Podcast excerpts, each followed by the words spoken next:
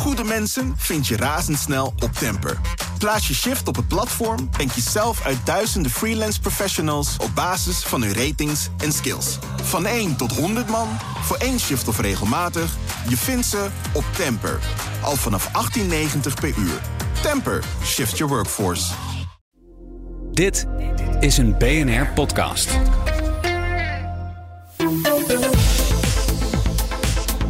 Twee dagen en dan vieren we een triest jubileum. Want eh, dan is de oorlog in Oekraïne twee jaar geleden gestart.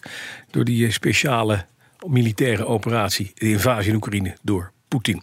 En als we de laatste berichten mogen geloven, neemt hij geen genoegen met wat hij nu in Oekraïne heeft. En kunnen we ook nieuwe aanvallen verwachten van de Russen. We gaan ook praten, uiteraard, over de toestand in Israël. En over de benoeming van eh, Rutte tot NAVO-secretaris-generaal. Waarschijnlijk gaat het 4 april gebeuren, zo zegt Jaap de Hoopscheffer. We gaan al het nieuws bespreken met uh, buitenlandcommentator Bernard Hammelburg en Europa-verslaggever Geert-Jan Haan. Mannen, goedemorgen.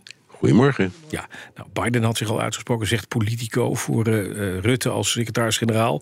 Tweederde van de NAVO-landen, zo berekende de Welt am Zondag afgelopen zondag altijd, uh, uh, dat hij het gaat worden.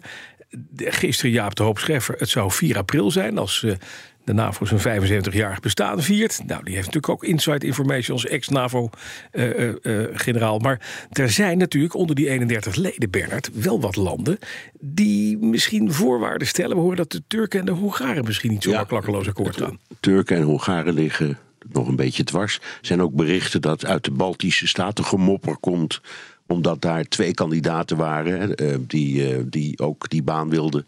Maar zegt um, de NAVO, die hebben nooit de officiële procedure gevolgd. Die hebben ze niet kandidaat gesteld, om het even simpel te houden. Mm -hmm. Maar die, die, mopperen.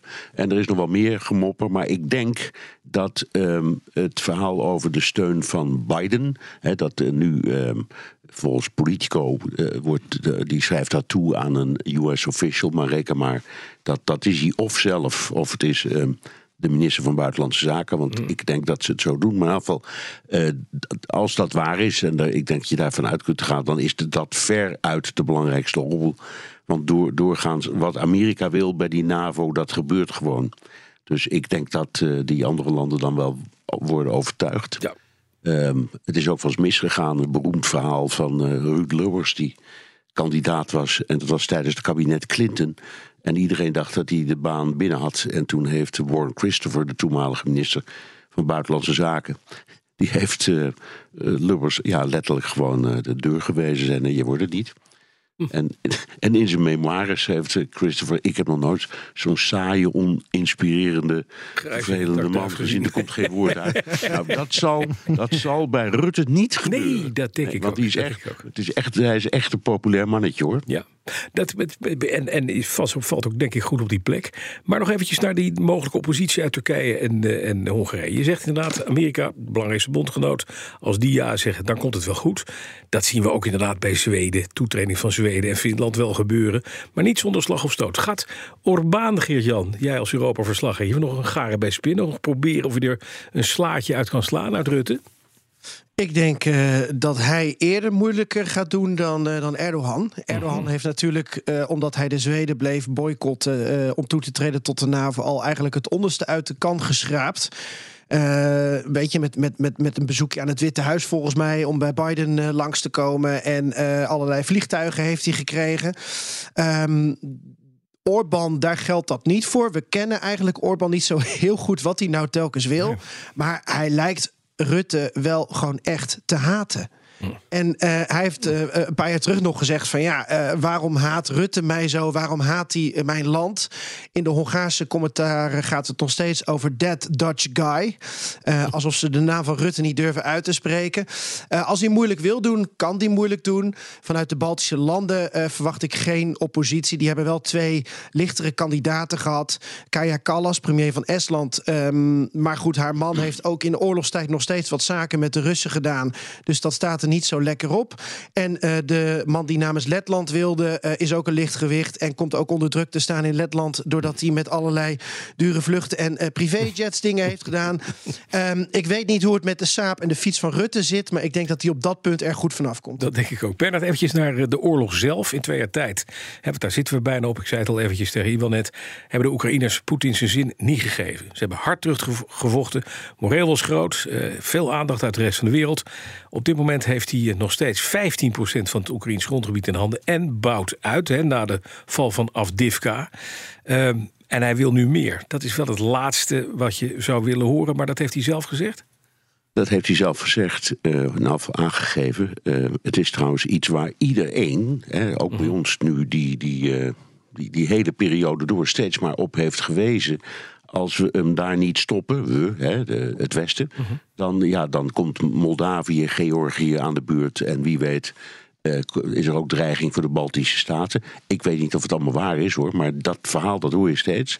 En het is duidelijk dat hij in elk geval in Oekraïne nog verder wil doorbreken. Uh, en niet, nou voorlopig niet wil denken aan um, een, een, een, situatie waarbij hij zegt: Nou, laat maar gaan praten, want uh, het is toch een padstelling geworden. Hij vindt dat dus niet. Mm-hmm. Hij denkt: ik, ik, Het gaat zo goed met de, de Russische opbouw en Um, het gaat zo slecht met Oekraïne. En hij kijkt natuurlijk ook naar wat er gebeurt in, uh, in Amerika, waar het congres maar het maar niet eens wordt over steun aan Oekraïne. Um, dat, um, hij, hij voelt zich gesterkt uh, en niet verzwakt. Ja. Nou heb jij vanmiddag uh, in BNR De Wereld, hè, wat je maakt, Bert Koenders op bezoek, de baas van de AIV. Dat is die adviesraad voor internationale vraagstukken. Die komt vandaag met een interessant rapport, ongevraagd, aan het parlement en de regering. En die pleit eigenlijk voor een versnelling van de wapenindustrie op, in Europese zin. Hij zegt dat is de enige manier om te zorgen dat we, dat, dat we een, een, gevaar van buitenaf kunnen, kunnen, kunnen, kunnen koppen op den duur. Um, en we moeten, we moeten nou een, een, groot aantal andere dingen heeft hij voorgesteld. meer Europese samenwerking. Eh, in hoeverre is dat iets wat zou kunnen helpen tegen een Poetin die deze, deze agenda voor zich heeft? Nou, dat, dat, dat zou kunnen helpen, maar dan moet je echt heel diep in de zak tasten. Hè? Want mhm. hij, hij, ik weet het niet, we moeten de vraag nog aan hem uh, voorleggen, maar ik weet wel ongeveer Um, wat er gaat komen. Hij wil een soort uh, Europese Veiligheidsraad. Precies.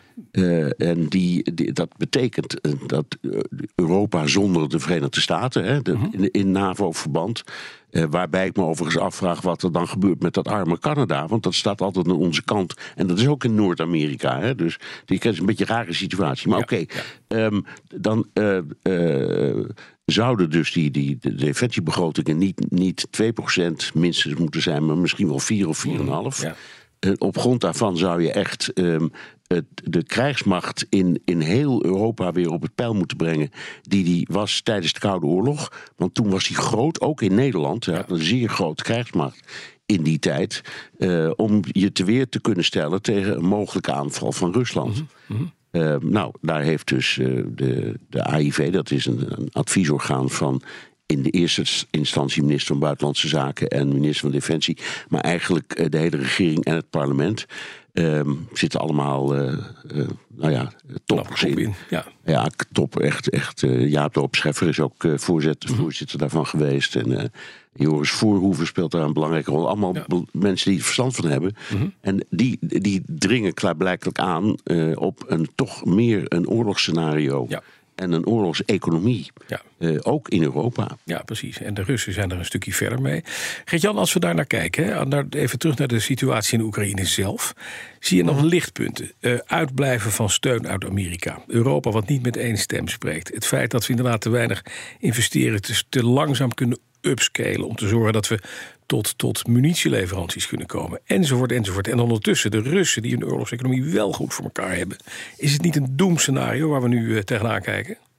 Nou, voor de korte termijn is het zorgwekkend. Ja. Uh, maar het is nooit uh, zwart-wit. En uh, Europa, gek genoeg, we, we, we, bestaan uit allerlei democratieën, maar op een of andere manier komen we er toch altijd uit. Met allerlei creatieve omwegen. sanctiepakket nummer 13 is er ook weer. Dat helpt natuurlijk Oekraïne niet op de allerkortste urgente termijn. Ehm, wat dan wel helpt, is dat een Tsjechische president Petr Pavel afgelopen weekend zegt: um, hey, ik heb 800.000 artilleriestuks gevonden in de wereld.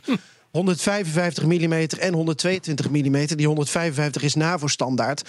Alleen, uh, dan is de grote vraag: hoe komt dat in Oekraïne? Ja. Ik neem je daar even kort in mee. Hij zegt: uh, dit kan binnen weken in Oekraïne zijn. Nou, dat is fantastisch als dat zo is voor Oekraïne. Want Oekraïne zegt: we hebben 200.000 artilleriestuks per maand nodig. Dus met 800.000 zou je drie à vier maanden overweg kunnen. Ja, precies. Maar. Um, de Tsjechen zeggen, ja, we willen wel dat andere landen meebetalen. Nou, Canada, hé, daar is Canada, leuk voor ze. Die hebben gezegd, wij willen wel een tikkie van jullie... en we betalen wel een deel van die munitie die jullie hebben gevonden. Alleen, het komt uit zowel NAVO-landen als niet-NAVO-landen. Dus die Petter Pavel is echt de hele wereld over gegaan... om munitie voor Oekraïne te vergaren. Maar als dat uit andere landen komt, bijvoorbeeld overzees... dan moet dat eerst weer verscheept worden naar Europa... en dan pas naar Oekraïne. En we hebben in Europa te maken met aanbestedingsregels... en noem maar op. Dus dan vraag ik me af of het een kwestie van een paar weken of een paar maanden is. Ja, en dan word je weer pessimistisch. Ja, want ze dat- hebben dat het zo snel mogelijk nodig. Zeker deze winter. Ja, duidelijk. Geert-Jan, nog eventjes naar het diplomatieke. Want morgen komt er deze maand nog een ontmoeting tussen Zelensky en Erdogan, president van Turkije. Eh, wat, wat maakt dat interessant om te volgen? Nou, er is een eh, top volgende week in, eh, in Tirana. En eh Edi Rama van Albanië die heeft erop gehint dat Erdogan gaat komen. Dat, daar hinten die op met Erdogan in een zaal. Dus Ja. het ziet er wel goed uit. We weten dat Turkije een sleutelrol speelt. Dat Turkije naast Rusland en Oekraïne het grootste land aan de Zwarte Zee is. Dat ze een rol spelen in de scheepvaart, in de handel. Turkije zit in de NAVO. Aan de andere kant doen ze ook nog steeds handel drijven met Rusland.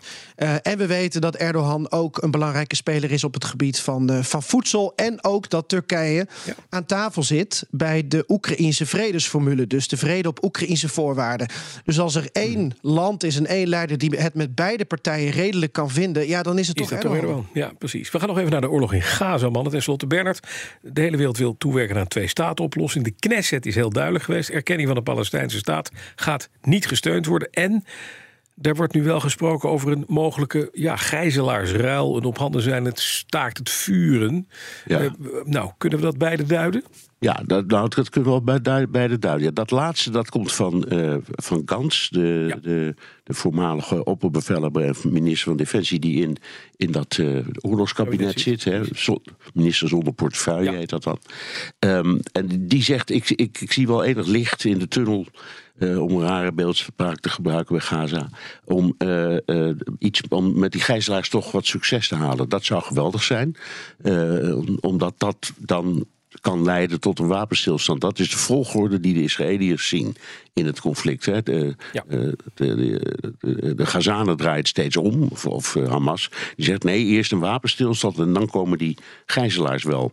Eh, maar nou, volgens Gans beweegt het in, in de richting die de, de, de westerse landen en, ehm, eh, en ook eh, eh, Qatar en Egypte steeds maar proberen uit te onderhandelen. Dat is goed nieuws. Het verhaal over die, de erkenning van Palestina, de- eerlijk gezegd, dat is een krankzinnig verhaal. Ehm, d- er zijn landen, bijvoorbeeld Amerika, maar ook Engeland. die zeggen: het is misschien een goed idee om te komen tot erkenning van Palestina. Dat kan niet zomaar, want ja, onder wiens leiding staat Palestina? En hoe zit het dan met die twee delen, Gaza en eh, de Westbank, die, aan elkaar, die bij elkaar horen? Dus er moet nog heel veel werk voor worden gebeurd, eh, gebeuren. En nu heeft eh eh, Netanyahu een, motie voor, aan, zijn eigen parlement voorgesteld dat een eenzijdige uitroeping van Palestina, dat, dat, dat Israël dat niet steunt. Ehm, het commentaar, ik vond het mooiste commentaar eigenlijk van de oppositieleider Lapid. Die zei: Ja, eh, daar zijn we het natuurlijk allemaal mee eens. Dus je, je dwingt me om hier voor te stemmen. Maar dit is gewoon een truc. Je bent ons aan het framen. Eh, want het speelt helemaal niet op, Nee. op deze Nee, nee. manier en op dit moment. We hebben het op dit moment over andere dingen. En het idee over die twee staten Pal Palestina... dat is voor de nabije toekomst als dit conflict is afgewikkeld. Precies, Dus het, hij heeft ja, het parlement gedwongen om ja te zeggen. Want iedereen is het wel eens met eh, de stelling. Alleen het was een truc, zegt Lapid. En ik geloof dat hij gelijk heeft. Duidelijk. Dankjewel. Buitenlandcommentator Bernard Hammelburg. Vanmiddag dus in BNR De Wereld praat hij met Bert Koeners, oud-minister van Buitenlandse Zaken. En Geert-Jan Haan, Europa-verslaggever, die straks een uur lang te gast in BNR's Big Five. En het gaat over twee jaar oorlog in Oekraïne. Mannen bedankt.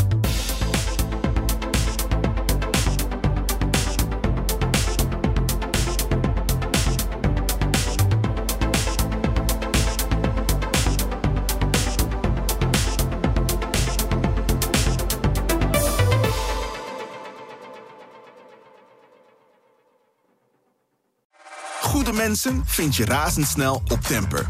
Plaats je shift op het platform en kies zelf uit duizenden freelance professionals op basis van hun ratings en skills. Van 1 tot 100 man, voor één shift of regelmatig, je vindt ze op Temper. Al vanaf 18,90 per uur. Temper, shift your workforce.